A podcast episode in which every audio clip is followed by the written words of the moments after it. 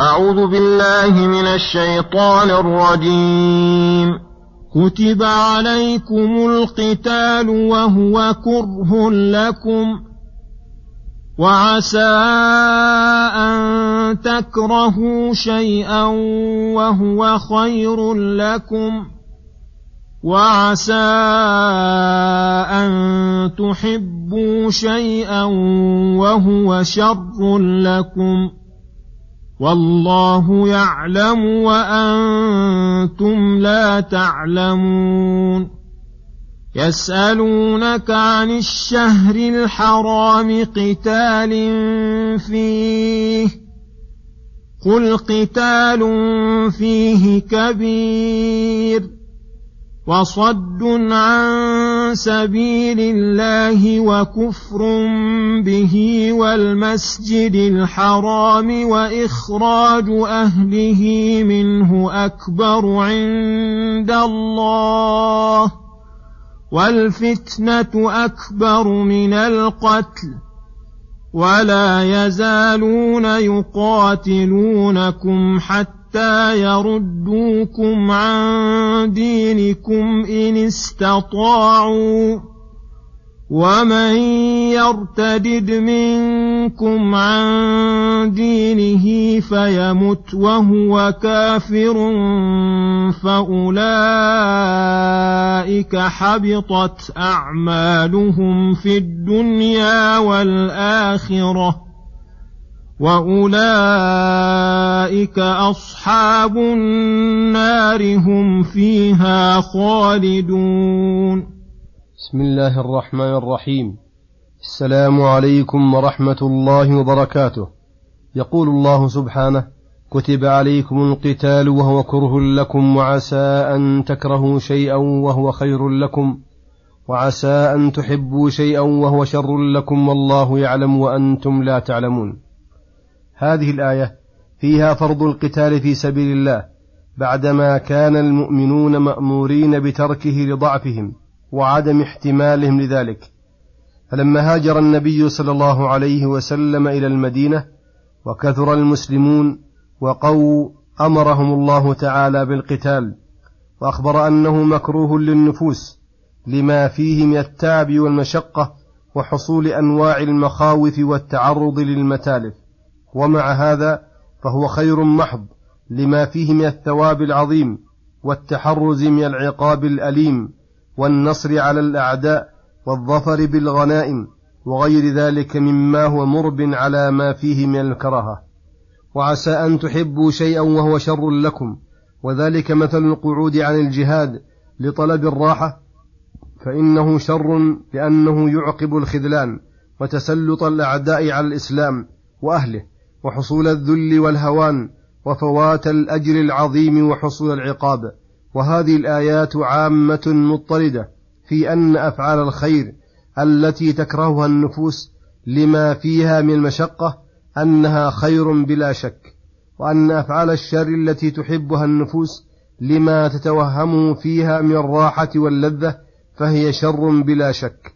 وأما أحوال الدنيا فليس الأمر مضطردا ولكن الغالب على العبد المؤمن أنه إذا أحب أمرا من الأمور فقيض الله له من أسباب ما يصرفه عنه أنه خير له فالأوفق له في ذلك أن يشكر الله ويعتقد الخير في الواقع لأنه يعلم أن الله تعالى أرحم بالعبد من نفسه وأقدر على مصلحة عبده منه وأعلم بمصلحته منه كما قال تعالى والله يعلم وأنتم لا تعلمون فاللائق بكم أن تتمشوا مع أقداره سواء سرتكم أو سأتكم.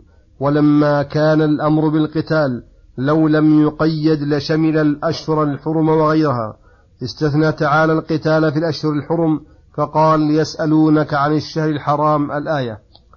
الجمهور على أن تحريم القتال في الأشهر, في الأشهر الحرم منسوخ بالأمر بقتال المشركين حيثما وجدوا.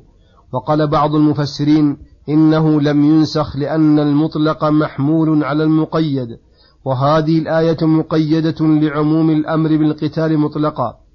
ولأن من جملة مزية أشهر الحرم بل أكبر مزاياها تحريم القتال فيها. وهذا إنما هو في قتال الابتداء وأما قتال الدفع فإنه يجوز في الأشهر الحرم كما يجوز في البلد الحرام.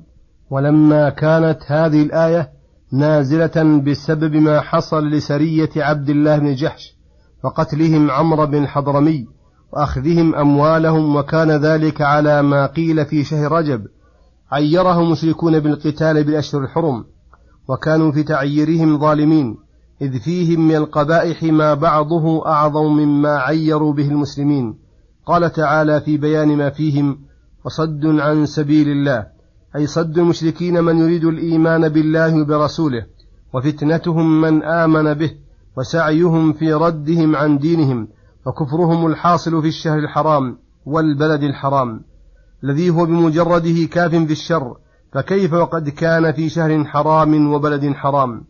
وإخراج أهله أي أهل المسجد الحرام وهم النبي صلى الله عليه وسلم وأصحابه لأنهم أحق به من المشركين وهم عماره على الحقيقة فأخرجوهم منه ولم يمكنوهم من الوصول إليه مع أن هذا البيت سواء العاكف فيه والباد.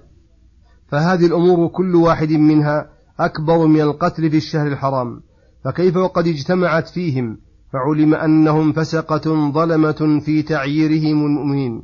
ثم أخبر تعالى أنهم لن يزالوا يقاتلون المؤمنين. وليس غرضهم في أموالهم وقتلهم وإنما غرضهم أن يرجعوهم عن دينهم. ويكونوا كفارا بعد إيمانهم حتى يكونوا من أصحاب السعير فهم باذلون قدرتهم في ذلك ساعون بما أمكنهم ويأبى الله إلا أن يتم نوره ولو كره الكافرون.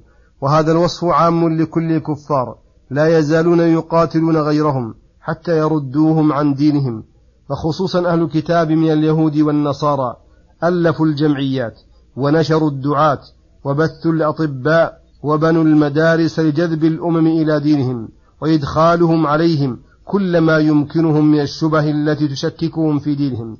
ولكن مرجو من الله تعالى الذي من على المؤمن بإسلام واختار لهم دينه القيم وأكمل لهم دينه أن يتم عليهم نعمته بالقيام به أتم قيام وأن يخذل كل من أراد أن يطفئ نوره ويجعل كيدهم في نحورهم وينصر دينه ويعلي كلمته.